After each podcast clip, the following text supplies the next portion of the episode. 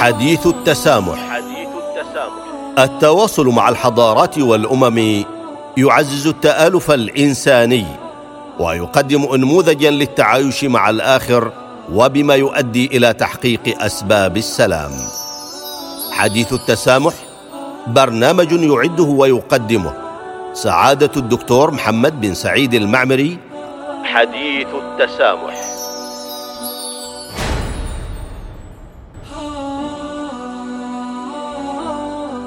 بسم الله الرحمن الرحيم الحمد لله رب العالمين والصلاه والسلام على رسول الله الامين وعلى اله واصحابه اجمعين والتابعين لهم باحسان إلى يوم الدين أهلا وسهلا بكم جميعا في حديث التسامح والذي نتناول فيه هذه المنظومه الفكريه المهمه والتي تقودنا جميعا إلى منظومه المؤتلف الانساني حيث العيش الكريم والوئام الإنساني على قيم أرضية مشتركة بيننا جميعا.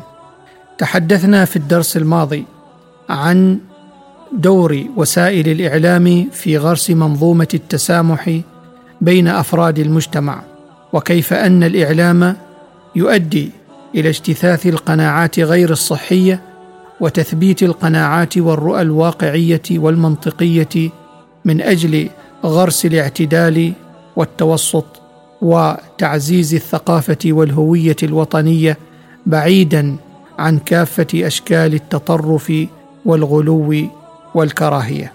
نتحدث في هذه الحلقة اليوم عن أهمية التسامح كقيمة إنسانية لنا جميعا. هل نحن بحاجة إلى التسامح؟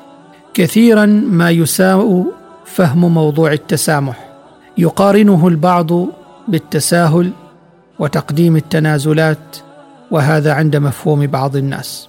ويقول آخرون نحن مجتمع متسامح فلا داعي للخوض في هذا الحديث ولا داعي لإثارة هذا الموضوع. ويقول آخرون التسامح يتعارض مع مبادئ الولاية والبراءة التي جاء بها الإسلام. ويقول آخرون أن التركيز على التسامح يؤدي إلى التهاون في الدين وأحكامه وأن الأموال التي تنفق من أجل التسامح في ترف فكري هو هدر للأموال وغير ذلك من الآراء. هذه بعض الآراء حول مفهوم التسامح وهي متداولة بطبيعة الحال. ولكن هنالك رؤية أخرى لهذا الموضوع ولا بد من إيضاح أهمية تناول مفهوم التسامح على كل المستويات ليس باعتباره قيمة مجردة وإنما باعتباره عنصرا مهما في القيم الإنسانية المشتركة والدعوة إلى الوئام والمؤتلف الإنساني بشكل عام. وجد علماء الاجتماع والنفس أن الكراهية كخلق يعود أغلبها إلى سببين اثنين الجهل والخوف. الجهل في الجهل بالآخر الجهل بالقواعد الأساسية للعيش المشترك. الجهل بالنظام والسنن الكونية. الجهل بالقوانين والأعراف الاجتماعية. الجهل بما للإنسان وما عليه.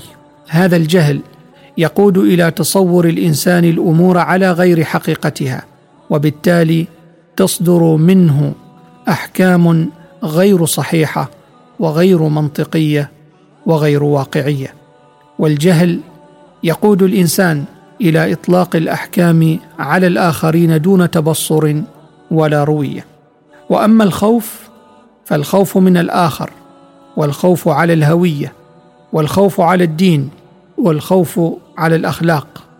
فلذلك تصدر من الخائف كثيرا من القناعات غير الصحيحة وغير الواقعية مثله مثل الخوف. ولما كان التعايش بين الناس ركنا اساسيا للحياة والاستقرار ولا يمكن تحقيق القيم الإنسانية الرفيعة إلا من خلال بث وتعزيز هذا الخلق الرفيع فإن تحقيق ذلك لا يكون إلا من خلال نفي الجهل والخوف. أما نفي الجهل فيكون من خلال نشر المعرفة الصحيحة وأما نفي الخوف فيكون من خلال تعزيز الثقة بالنفس ومعرفة المبادئ والقناعات الحقيقية التي يجب على الإنسان أن يؤمن بها ويتخلق بأخلاقها. ولنا أن نتخيل جميعا مجتمعا بلا تسامح أو شوارع بلا تسامح أو مدارس وجامعات ومساجد ومستشفيات ومرافق أخرى في الحياة بلا تسامح فكيف ستكون الحياة فيها عندئذ؟ فلهذا نتساءل أيضا هل نحتاج إلى التسامح؟ للإجابة على هذا السؤال كنت قد أعددت استبيانا الكترونيا في موقعي في بعض وسائل التواصل الاجتماعي. طرحت فيه أربعة أسئلة مباشرة حول خطاب الكراهية ومدى انتشاره في المجتمع والذي هو صورة من صور اللا تسامح هذه الإحصائيات التي تتناول حجم وجود خطاب الكراهية في المجتمع ومدى انتشاره بين الناس. تعالوا لنرى نتيجة هذا الاستبيان. كان السؤال الأول يدور حول ما مدى انتشار خطاب الكراهية في المجتمع. أجاب 65% من أفراد العينة بأنه منتشر جدا بينما أجاب 28% منهم أنه منتشر إلى حد ما بينما قال 7% بأنه غير منتشر. وهذا يدل على أن خطاب الكراهية يشهده الناس ويلمسون وجوده ويعتبرونه موجودا فيما بينهم. وأما السؤال الثاني فكان يدور حول أنواع خطاب الكراهية الأكثر انتشارا. ونحن نعلم من خلال مطالعاتنا لتعريفات خطاب الكراهية بأنه كل خطاب يحرض على العنف أو يحرض على العدوانية أو يشتمل على نوع من أنواع التمييز العنصري بين الناس. فكل خطاب اشتمل على واحد من هذه الثلاثة. صنف وفق منظمة اليونسكو بأنه خطاب للكراهية. وعند سؤالنا عن أكثر أنواع الخطاب الكراهية انتشارا من هذه الأنواع الثلاثة كانت الأجوبة كالتالي. أجاب 19% بأن التحريض على العنف هو السائد بينما رأى 27% بأن التحريض على العدوانية هو الأكثر بينما رأى 54% أن التمييز العنصري هو السائد. وأما السؤال الثالث فكان يدور حول هل تعرضت شخصيا لنوع من أنواع خطاب الكراهية؟ أجاب 53% بانهم نعم تعرضوا شخصيا لنوع من أنواع خطاب الكراهية بينما أجاب 47% بأنهم لم يتعرضوا له في حياتهم. وجاء السؤال الرابع هل القوانين كافية ورادعة للحد من خطاب الكراهية في المجتمع؟ أجاب 65% بأن القوانين كافية ورادعة للحد من خطاب الكراهية بينما أجاب الباقون بأن القوانين كافية إلى حد ما أو غير كافية بنسبة 11% هذا الاستبيان يدل دلالة واضحة على ضرورة طرح هذا الموضوع المهم موضوع خطاب الكراهية وهو وجه من وجوه اللا تسامح مما يعني أنه لا بد أن نطرح موضوع خطاب التسامح لكي نقوم بدورنا الفاعل في المجتمع لمعالجة خطاب الكراهية ومعالجة آثاره الاجتماعية والنفسية والقانونية في المجتمع. لذلك يطل علينا هذا البرنامج حديث التسامح للحديث حول هذه القيم وتعزيز منظومة السلم الاجتماعي وتعزيز القيم الإنسانية الرفيعة في مجتمعاتنا الإنسانية ومجتمعاتنا العربية ومجتمعاتنا الإسلامية. حديث التسامح. حديث التسامح التواصل مع الحضارات والأمم يعزز التآلف الإنساني ويقدم انموذجا للتعايش مع الآخر وبما يؤدي إلى تحقيق أسباب السلام.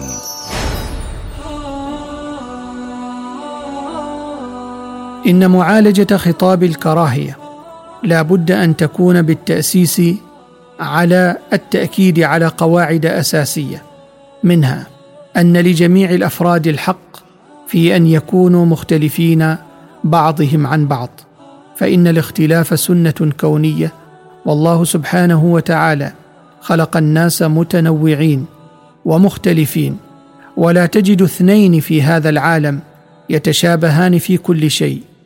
ويكونان صورة طبق الأصل واحدا عن الآخر.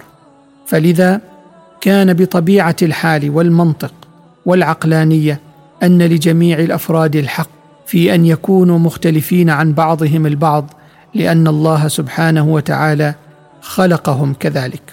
وأيضا أن الاحترام والقبول والتقدير للتنوع الثري لعالمنا والصفات الإنسانية لدينا هو احترام لخالق الوجود بهذه الكيفية.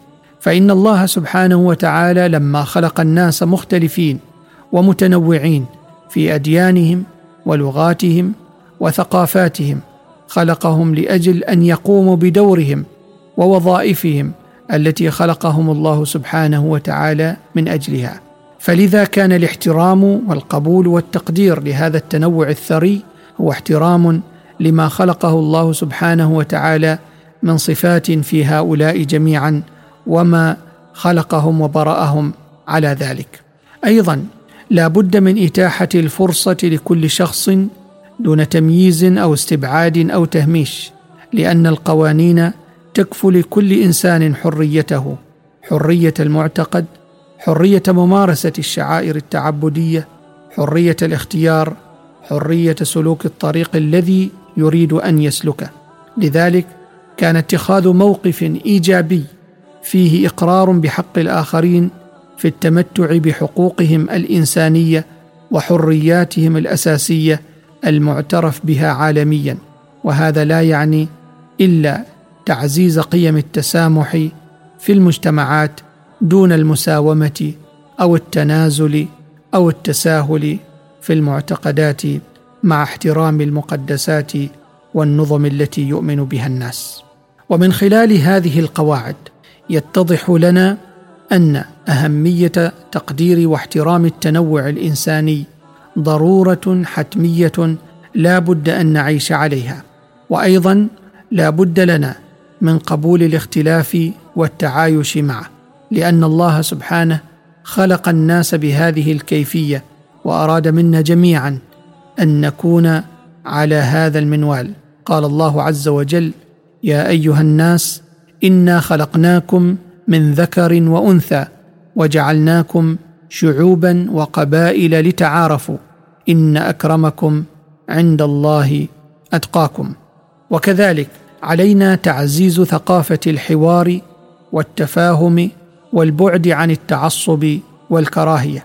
فإن الحياة السليمة لا تكون إلا من خلال الحوار وإن العيش المشترك لا يكون إلا من خلال التفاهم على أرضية مشتركة كما أن البعد عن التعصب والكراهية والتطرف يحفظ المجتمع من ويلات الحروب والصراعات والتأثير على الحضارة الإنسانية التي بناها الناس جميعا. ومن هنا لا بد أن ننوه على ضرورة أن يكون التسامح قيمة فردية يعتنقها الإنسان في خاصة نفسه وينشرها على من حوله وهذه تكتسب صفة أساسية في أن يكون الإنسان ملتزما اولا بهذه القيمة في نفسه ويدعو الآخرين إليها. فلذلك لا بد أن يرتبط القول بالعمل ولا بد أن يرتبط التنظير بالتطبيق ولا بد أن يكون قول الإنسان موائما لفعله وسلوكه في المجتمع. ولا معنى لأن ينادي الإنسان بالتسامح والقيم الإنسانية ويدعو إليها بينما ممارساته وأعماله مناقضة لما يدعو إليه. يا أيها الذين آمنوا لم تقولون ما لا تفعلون؟ كبر مقتا عند الله أن تقولوا ما لا تفعلون. نقف عند هذا الحد في هذه الحلقة ونكمل معكم بإذن الله وتوفيقه حديث التسامح في الحلقة المقبلة بإذن الله. إلى ذلك الحين نستودعكم الله الذي لا تضيع ودائعه. والسلام عليكم ورحمة الله تعالى وبركاته. حديث التسامح. التواصل مع الحضارات والأمم يعزز التآلف الإنساني ويقدم انموذجا للتعايش مع الآخر وبما يؤدي إلى تحقيق أسباب السلام. حديث التسامح برنامج يعده ويقدمه سعادة الدكتور محمد بن سعيد المعمري. حديث التسامح.